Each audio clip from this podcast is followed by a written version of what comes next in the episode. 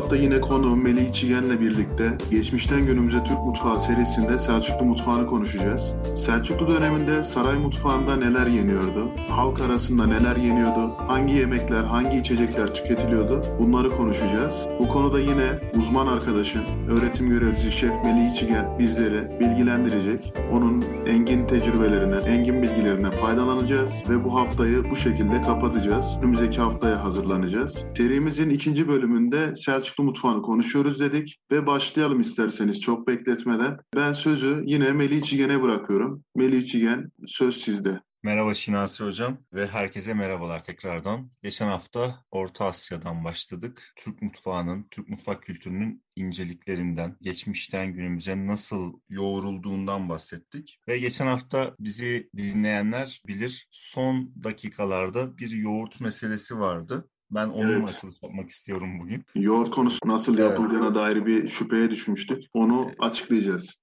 En başa dönmek istedik. Tabii olabildiğince az yazılı kaynaklarla bir şeyler bilebiliyoruz. Ve ben doğru hatırlamışım. Dediğim gibi hatta sen şaşırmıştın ben böyle bir şey duymamıştım diye. Hatta okuduğum yeri de buldum. Marco Polo doğuya yaptığı gezisi sırasında Milyoni adlı diye bir eser çıkartıyor. Ve orada Türklerin bu yoğurdu atın eğerine bağladıkları, kaplara koydukları sütün yoğunlaşmasıyla oluştuğunu gördüğünü anlatıyor. Hatta yoğurt kelimesinin kökünün de yoğunlaşmak anlamı taşıdığını kitabında bahsediyor. Geçen hafta böyle bir şeyde kalmıştık nasıl olur falan diye. Ben sonradan biraz araştırdım. Gerçekten okuduğumu doğru hatırlamışım. O yüzden sevindim. Tabii bu Marco Polo'nun yazdığı eserden günümüze geliyor. Fakat mesela Türk tarihi açısından baktığımızda mesela Kaşgarlı Mahmut da yazmış olduğu Divan Lügat Türk'te ilk yoğurttan bahseden kişi ya da Yusuf Hasacip işte Kutatbuk Bilik adlı eserinde o da yoğurttan bahsediyor. Bunlar tam böyle işte 12. yüzyılda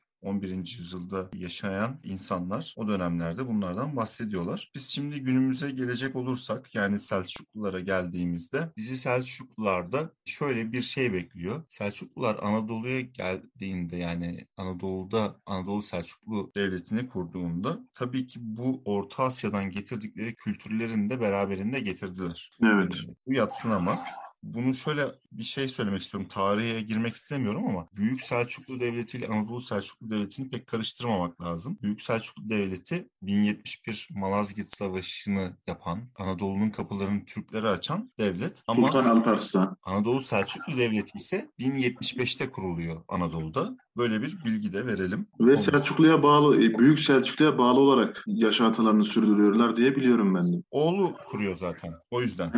Aynen. Şimdi biz mutfak kültürüne dönecek olursak dediğim gibi o döneme ait aslında bizim çok iyi yazılı kaynaklarımız yok. İşte Kaşgarlı Mahmud'un yazdığı yine. Aslında onu bizim için de yazmıyor. Divan-ı Lügat Türk'ü o dönemin Abbasi halifesi için yazıyor. Fakat biz oradaki sözlükten bilgilerimizi alıyoruz. Daha sonra işte dediğim gibi Kutat Gubilek'in işte daha doğrusu Yusuf Hasacib'in Kutat Bilek eserinden bir şeyler öğrenebiliyoruz ya da o dönemde yazılmış danışmentlerden bir şeyler öğrenebiliyoruz çok fazla yazılı kaynağımız yok. Ben önce şunlardan bahsedeceğim. Benim yemek içmek yemek kültürüne gelmeden önce benim en çok dikkatimi çeken şey şuydu. Gerçi Türklerin kültüründe varmış bu. Türkler durgun suyun hasta ettiğine inanırmış. O yüzden sadece akan suyu içebiliyorlarmış. Bence bu hala geçerli günümüzde.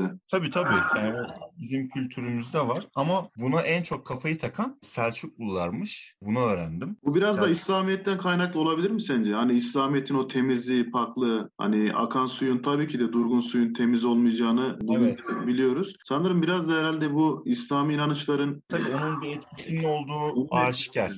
Yani sonuçta İslamiyet'e göre... Yani hassasiyet kelimesi. Yani çıkmadı evet. İslam İslamiyet'in verdiği hassasiyetten kaynaklı olsa gerek yani.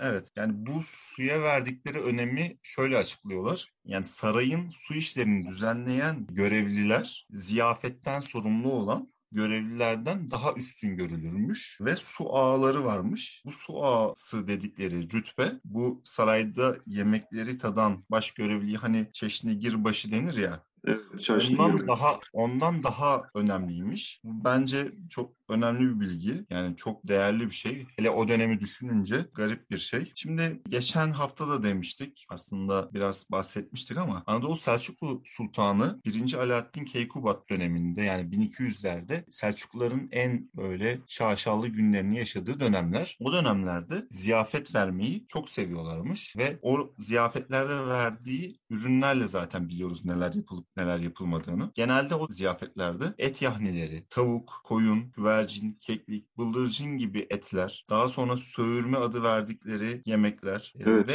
bu dönemde Abbas halifesiyle yarış halinde oldukları için onların yemeklerinden de etkilenildiği yazılmakta. Türklerin ilk ekmeğinin yufka olduğunu söylemiştik. Yufkanın devam ettiğini Selçuklularda görürüz. Ne de olsa işte Orta Asya'dan göçen aynı kabile ve aynı topluluk olduğu için yufka ekmeğine devam ettiklerini görüyoruz. Yufka dediğimizde günümüzdeki yufka gözümüzde canlanmasın. Benzer bir durum. Fakat ince pişirilmiş ekmeğe yufka diyorlar. Bu bizim Anadolu kültüründe hala var hocam o yufka ekmek dediğiniz. Kışlık yufka ekmekler hazırlanır, pişirilir Evet. ve kuru bir şekilde saklanır. Aslında muhtemelen işte Türklerde de yaygın olarak kullanılmasının sebebi bu olabilir. Saklanabilir öz- özelliği uzun süreli olduğu için kış aylarında böyle yaklaşık işte hazırlandıktan 2-3 ay sonra bile böyle suyla nemlendirilerek kullanılabiliyor. Evet, Nevşehir'de halen satılıyor. Niğde'de de satılıyordur büyük ihtimalle. Bizim yöresel aslında ekmeğimiz olarak sayılıyor. İşte Anadolu'da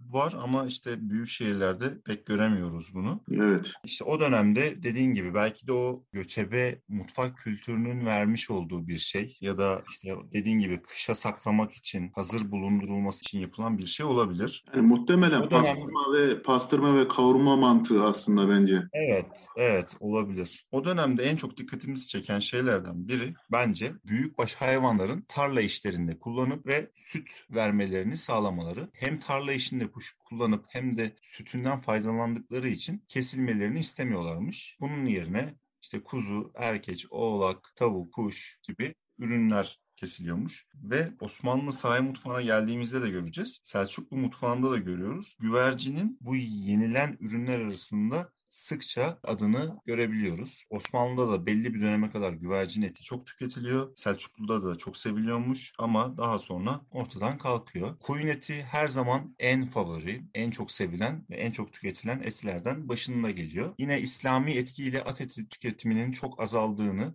kaynaklardan görebiliyoruz. Çünkü at etinin İslami açıdan yanlış olması o dönemde Selçuklularda zaten çok önem verdikleri ata işte sadece yolculuk etmek için, seyahat etmek için kullanmaları. O yüzden atı daha bir ehemmiyetli kılmış. Günümüzde tabii biz hala Türk kültüründe ata önem veriyoruz. O dönemde Savaş aracı değil mi hocam? Yani savaşlarda çok büyük avantaj sağlıyor dönemlerde tabii. Şimdi atlı süvarilerle yerde yürüyen askerlerin arasında çok, yani o çok 10 insan gücü arasında fark oluyor. Bu yüzden atların önemi çok yüksek. Kesinlikle. Yani kültürümüze yerleşmiş o ata verilen önemli değer. Daha sonra da yenmemesi İslamiyet'in etkisiyle de iyice alıştırılmış. Burada aslında dinleyicilerimizin bence en çok dikkatini çekecek şeylerden biri muhakkak duymuşsundur. Yörgemeç isimli bir yemek var. Yörgemeç. Evet bu yörgemeç isimli yemek ilk yemeklerden biri kabul ediliyor. Bu doğranmış koyun işkembesinin bağırsağına doldurulup kızartılan bir yemek. Bu Divan-ı Lügat-ı Türk'te geçtiği için o dönemi yansıtan yemeklerin başında geliyor. Bundan sonra bir de tutmaç var. Tutmaçı halen daha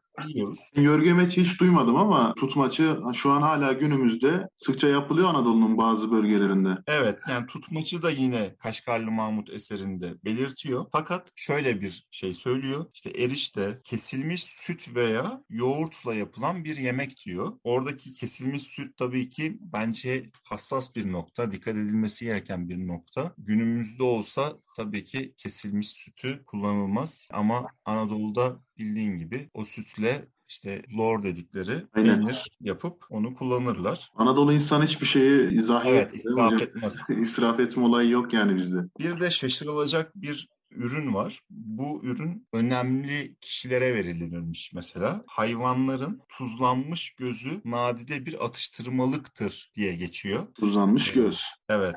Yani beni çok şaşırtmıştı. Veya hayvanın dalak veya paçalarını safran ve sirke ile birlikte yedikleri yazılıyor. İşte bu yine bütün her şeyinden faydalanıldığını gösteriyor bize. Bu bence çok önemli bir şey. Aynen Yani öyle. Yani günümüzde yenilebilecek- düş, düşündüğümüzde göz deyince akla böyle çok hoş bir tat gelmiyor. Açıkçası ben hiç denemedim ama o dönem de önemli denemedim. kişilere verilmesi çok garip yani. Evet, evet. Zaten o şey yapıyor yani. Oradaki detay o şey. Aynen. önemli kişilere ikram edilmesi ve çok sevilmesi tuhaf. Bir de zahterli tuzlanmış beyin yine önemli konuklara ikram edilen yemeklerden biriymiş. Bak bu biraz hoş geldi sanki böyle. Zahterli beyin. Zahter değil mi?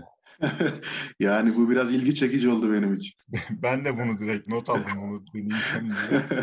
Deneyelim bunu. Dediğim gibi aslında fazla elimizde bilgi yok ama Selçuklu hükümdarlarının elçilere, işte ulemalara ziyafette sunduğu yemekler yazıyor. Bunları şöyle sıralayabiliriz. Çeşitli büryanlar diyor. Burada şunu söylemek lazım. Biryan, büryan aslında bildiğimiz kebap etine verilen bir isim Evet. Selçuklular döneminde. Fakat nasıl pişirildiği şöyle açıklanıyor. Ya kuyuda pişirilen ya da tandırda pişirilen kebaba büryan adını veriyorlar. Da günümüzde de coğrafi işaret olarak Türkiye'de büryan kebabını alan ilimiz var. Yani Siirt. o yüzden Siirt ile alıyor. evet yani hatta çok böyle şeyler çıkmıştı aralarında bir şehirle birlikte işte Bitlis'te. Siirt bu konuda çok anlaşamıyorlar. Yani Bitlis diyor bir yan bizim, Siirt diyor bir yan bizim. Ama işte aslında şu var. Aynı bu nasıl örnek vereyim? Şimdi Anadolu'da da bir yemek var. Adı aklıma ha arabaşı. Arabaşı mesela şimdi Yozgat diyor ki benim. E, Konya diyor ki onlar da benim. E, biz Niğdeliler, Kayseriler biz de diyoruz ki bizim. e, burada da çok yapılıyor. Aynen. Nevşehir'de de çok yapılıyor. Ancak şöyle bir durum var. Dediğin gibi Siirt nasıl büryanı tescillediyse Yozgat'ta arabaşını tescilliyor. Yani aralarda çok ufak farklılıklar var aslında yapımlarda. Mesela arabaşını işte kaz etiyle yaparken Yozgatlılar burada horoz etiyle yapılıyor mesela. Enteresan. Yani burada biraz farklılaşıyoruz biz. Ancak işte genel olarak işte arabaşını biz Konya şey Yozgatlılara kaptırdık yani.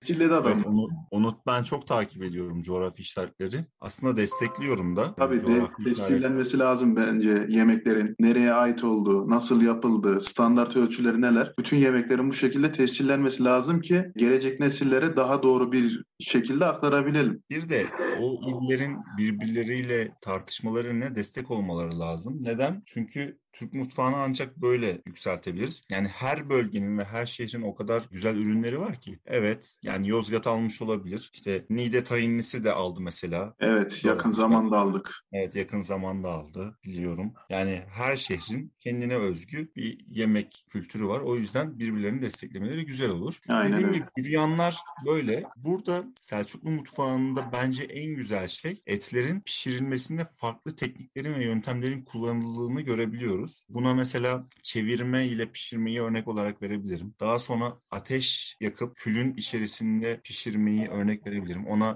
gömme veya közleme ismi veriyorlarmış. Özellikle çörek pişirilirmiş külde. Bu, bundan çok bahsediyorlar mesela. Yine Senin- ziyafet Seni dinlerken acıkıyorum hocam. Acaba dinleyicilerimiz ne yapıyorlar?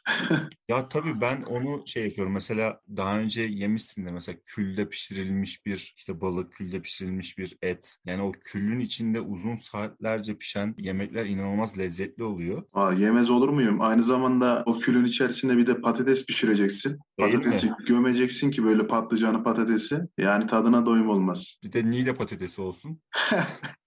Milliyetçilik yapalım burada biraz. Aynen.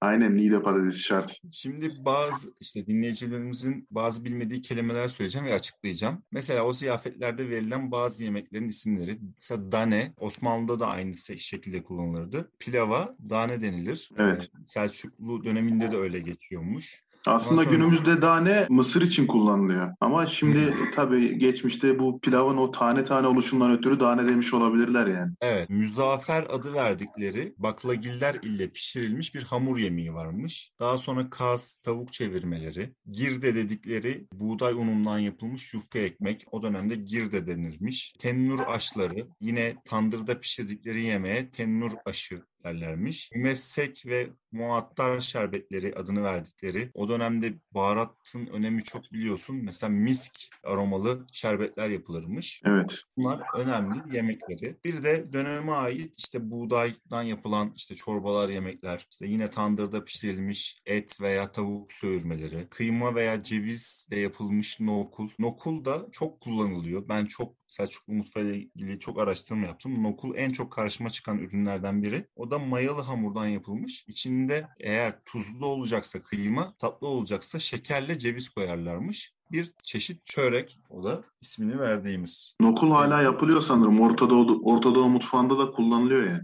Evet evet. Burada işte dediğim gibi Bence pişirme teknikleri çok önemli ve o pişirme tekniklerinin gün yüzüne çıkartılması, kullanılması önemli. Bunun yanı sıra diğer bir pişirme tekniği, mesela çevirme dedik, külde pişirme dedik, şiş. Gerçekten Türklerin herhalde en çok sevdiği pişirme aletlerinden biri. İşte eti şişe geçirmek. O dönemde de işte şiş adı verilirmiş Selçuklu döneminde ve bunu işte etleri ya küçük küçük parçalar haline doğrayıp kıyma haline tam bizim günümüzdeki kıyma gibi değil tabii o dönemdeki biraz daha böyle şey ne derler taneli diyelim hale getirip şişe dizip pişirirlermiş ya da bizim şimdiki gibi bildiğimiz böyle iri iri doğranıp şey geçirip pişirirlermiş. Kuşbaşı şeklinde yani. Evet evet.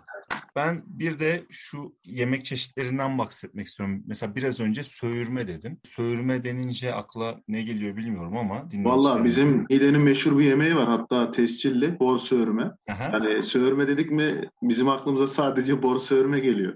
Kuzu etinden yapılan kuzunun pirzola kısmından. Evet. Pirzolanın incecik açılıp hani öyle kemikli olarak değil de böyle ince açılıyor böyle. Fakat üç tane pirzola yan yana bütün olarak açılıyor eti yaprak gibi. Aralarına çizikler atılıp tepsiye biberler dizilir, üzerine etler dizilir ve tandır fırına verilir. Orada pişirilir, evet. sonra afiyetle yenir. Doğru. O dönemde de işte söğülme veya söğürme denirmiş. Selçukname'de geçiyormuş bunlar. Hindi, kaz, tavuk, koyun artık hangi et varsa bu etin baharatlanarak ve tuzlanarak bakırdan yapılmış bir kabın içerisine konup daha sonra tandırda uzun uzun pişirirlermiş ve bunlara söğürme denilirmiş. Demek ki onun devamı bu yaptığımız bor söğürmesi. Oradan esinlenilmiş ve devam ettirilmiş bir ürün bence. Evet hocam. Bunun yanı sıra bazı pişirme yöntemleri demiştik. Mesela yemek tarifleri. Mesela kalyeler çok kullanılır. Kalyeler aslında eskiden de kullanılırdı. Yani Anadolu'da kullanılırdı. Konya'da hala zaman... kullanıyorlar. Kabak kalyesi diye bir yemekleri var mesela. Evet.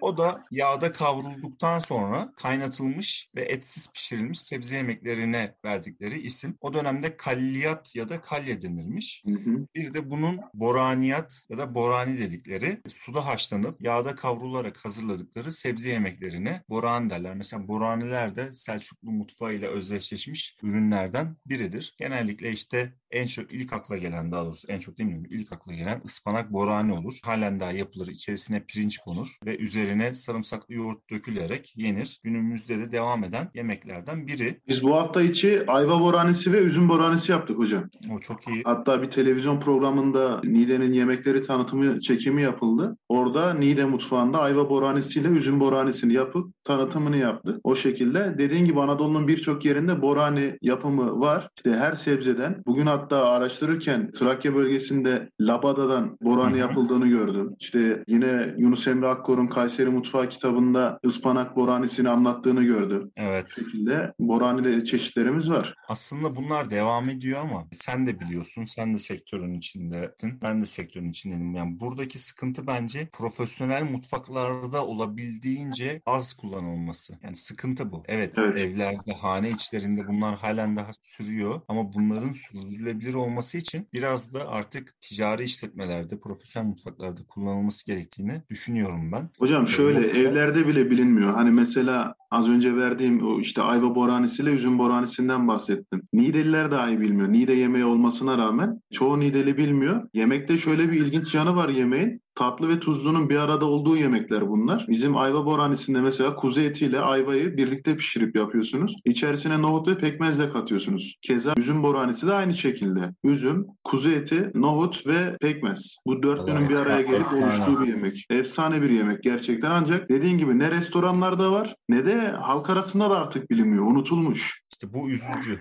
Çok üzücü hem de. Bunların hatırlatılması için ticari işletmelerde yapılması lazım. Yoksa yani mümkün değil. Evet. Artık biz bizler bir şeyler yapmaya çalışacağız. Yani biz bunları dile getirerek hatırlatmaya çalışacağız. Tatlı olarak da o dönemde de helvalar çok meşhurmuş. Helvalardan bahsedebiliriz. Hatta Selçukname'de yine o yazılı eserlerde Memuniye adı verdikleri bir yemek adının geçtiği fakat helva olduğu söylenen ürünler var. İşte un helvası, irmik helvası bunların yapıldığını bilebiliyoruz. Ben aslında anlatacaklarımı bitirdim ama çok önemli bir konuya daha değinmek istiyorum. Tabii. O da Selçuk Selçuklu Devleti'nin döneminde işte Selçuklu Devleti'ne başkentlik yapmış olan Konya mutfağının o dönemin esintilerini aldığını biliyoruz. O dönemde Mevlevi mutfakları vardı. Yani Mevlevi mutfağının kendine has özellikleri vardı, yemek adabı vardı, çalışma düzeni vardı. İşte Konya'ya gidenler bilir. Çok güzel bir müze yapıldı. O müzeyi gezerlerse görebilirler. Yine o yine Selçuklu döneminden kalma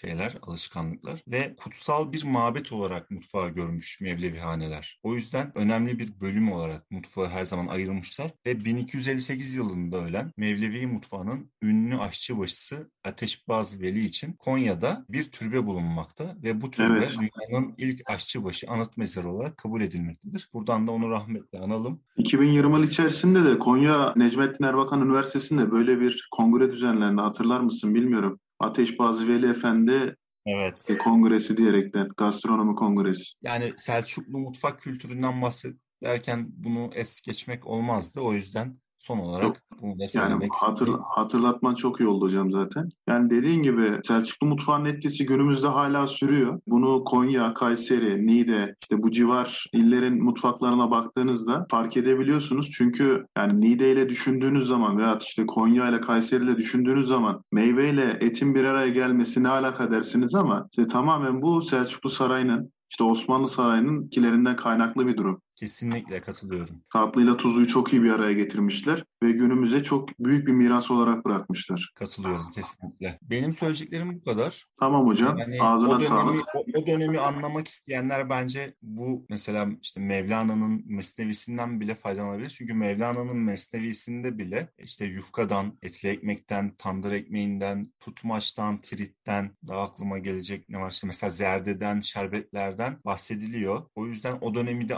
anlayabiliyoruz. Onun dışında nasıl söylesem mesela heriseyi unuttuk. Keşkeyi. Mesela keşkek olmazsa olmazlardan biri. Yine Aynen öyle. buğdayın pişirilip birlikte dövülmesiyle yapılan yine bu da Mesnevi'de geçen yemeklerden biri. Evet hocam. Bu konulara meraklı gerek aşçılık bölümünde okuyan öğrenciler gerek gastronomi bölümünde okuyan öğrenciler bunları araştırabilirler. Ben bir de mesela derslerde Türk Mutfak Sanatları dersinde verirken Selçuklu mutfağına geçtiğimde birkaç reçete uyguluyorum. Ve o reçetelerde mesela tavsiye ederim. Sevgili Ömür Akkor'un kitabında yazan reçeteler. Ömür Akkor'un Selçuklu Mutfak kitabı da gerçekten efsane bir kitap. Onu da alabilirler. Ee, Hocam onu arıyoruz, temin edemiyoruz. Bunu nasıl yaparız? yani piyasada şu an basılı halde yok, kalmamış. Evet, evet. Ya bende bir tane var açıkçası. Vallahi onu senden alabilir miyim? Yani bulmak çok zor dediğin gibi. evet. Mesela orada bir yemek var. Ben o yemeğe bayılıyorum. Yani kaç yıldır yapıyorum onu okulda öğrencilere.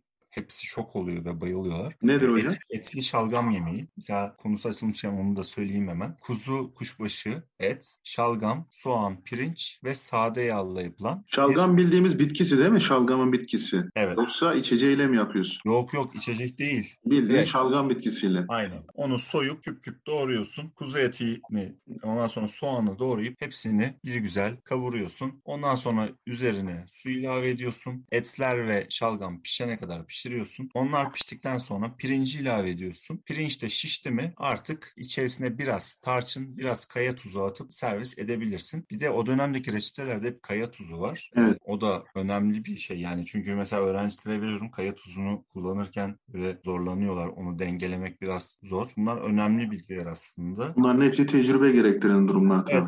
Bir de mesela günümüzde yapılan bir tandır çorbası var. Özellikle Nevşehir'de çok sevilen. Niğde'de de bildiğim kadarıyla yapılıyordur. Mesela o tandır çorbasının da Selçuklu mutfağına özgü tarifi var. Tamamen kemik suyundan yapılan. Hmm. İçerisinde işte tabii ki o dönemde domates ve domates salçası olmadığı için koyulmuyor. Sadece kemik suyundan yapılıyor. O kadar lezzetli ki. İçerisinde o baklagiller, tahıllar var. İşte bulgurundan nohutuna, yeşil mercimeğinden, işte fasulyesine kadar. O da inanılmaz besleyici bir çorba. O zaman hocam Nevşehir'e bir davet bekliyorum. her Yani zaman. Buradan bir davet bekliyorum Nevşehir'e. Çünkü güzel anlatıyorsun ama bakalım güzel yiyebilecek miyiz biz? Vallahi güzel yemekle kalmazsın ya. Tamam. Her zaman, her zaman Tamam. yerim var. Şu pandemiler bir bitse daha rahat olsak Değil mi? daha güzel şeyler olacak. Yani bayağı aslında yemek saydık değil mi? Yani Yani Selçuklu mutfağına baktığımız zaman hani şu an insanlar belki ya Selçuklu'da da ne yemek vardır? diyebilirler. Ama işte o zenginliği işte böyle anlattıkça, okudukça, işte Kaşgarlı Mahmut'u okudukça, Divan Lügat Türkü falan okudukça veya işte Mesnevi'nin kitaplarını okudukça ortaya çıkartıyoruz ve böylece günümüzdeki yemeklerle de birleştirerek ortaya zengin bir mutfak çıktığını görmüş oluyoruz. O yüzden saydığın yemekler, helvalar, yahniler, işte dane Borani, kalgeler. boraniler, kalgeler ve bunlar aslında bir, bir yandan da pişirme usulü. Yani bize Evet. aslında böyle de bir miras bırakıyor. Şimdi borani deyince akla birçok çeşidi var boranın. Aslında yemeklere borani isminin verilmesinin sebebi tamamen işte boraninin pişirme usulü olmasından kaynaklı. Yoksa ayva yemeği diyebilirdik ama değil. Ayva boranisi. O yöntemle pişirildiği için. Ispanak yemeği diyebilirdik ama ıspanak boranisi. aynen öyle. O yüzden umarım bu mesleğe gönül veren gençler geçmişine daha çok sahip çıkar. Çünkü geçmişinden öğreneceği çok şey var. Aynen öyle. Ya biz işte Yani- bu şekilde bir adım atıyoruz hocam. Burada biz anlatıyoruz Selçuklu'nun mutfağını, Orta Asya Türk mutfağını. Önümüzdeki haftalarda Osmanlı mutfağıyla işte günümüz modern Türk mutfağını anlatacağız. Biz bir adım atıyoruz, bir kapı aralıyoruz. Onlar da bu kapıdan girip bu zenginliği ortaya çıkartıp öğrenmeleri lazım. İşte o da onların çabalarına kalmış biraz. Umarım bu konuda işte bizim arkamızdan gelip öğrenmeye çalışırlar, gayret gösterirler. Bizi de mutlu ederler. Yani Türk mutfağına sahip çıkmamız gerekiyor. Kesinlikle bir bize de olsa onlarda bir ışık olabilirsek çok güzel. Mutlaka Çünkü olacaktır yani hocam mutlaka. böyle gençler diyoruz ama biz de genciz. Bu arada yanlış anlaşılmasın. Tabii yani çok da genç sayılmasak da biz genç deyince tabii akla 18-20 yaşlarındaki öğrencilerden bahsediyoruz tabii. Şimdi biz 30'u biraz şey yaptığımızda 30'a merdiven dayadığımızdan artık gençler onlar oluyor biraz. Bizim gözümüzde daha doğrusu. Hocam ben 34 oldum ama neyse. Kaç? 34. Şaka yapıyorsun hocam. Evet, gerçekten. tamam benim daha zamanım varmış o zaman. Tamam. Ben sana tekrardan teşekkür ederim. Hocam ben teşekkür ediyorum bu hafta da konuğum olduğun ve bize bilgilerini aktardığın için. Çok güzel bir podcast çekimi oldu. Aynı zamanda çok iyi bilgiler öğrendik. Benim de bilmediğim şeyleri öğrendim. Umarım faydamız olur ki olacaktır da. Çünkü biz geçmişimizi anlatıyoruz. Ve İnsanlarımız okumuyor pek ama bu tarz şeyleri dinleyerekten de öğreneceklerine inanıyorum. Gayet güzel oldu. Ağzına sağlık. Ben tekrardan teşekkür ediyorum. Umarım dinleyicilerimiz de memnun kalırlar. İnşallah. tamam hocam görüşmek üzere. Ağzına sağlık. Evet değerli dinleyiciler bu hafta Selçuklu mutfağını konuştuk. Şef Melih Çegen'le beraber değerlendirmelerde bulundu. Anlattık işte ortaya çıkardık. Bilinmeyen kelimelerin tercümesi yapıldı. Gayet verimli bir podcast oldu. Bizi dinlemede kalın. Önümüzdeki hafta Osmanlı mutfağıyla tekrardan buluşmak üzere. Lezzetli dinlemeler diyorum.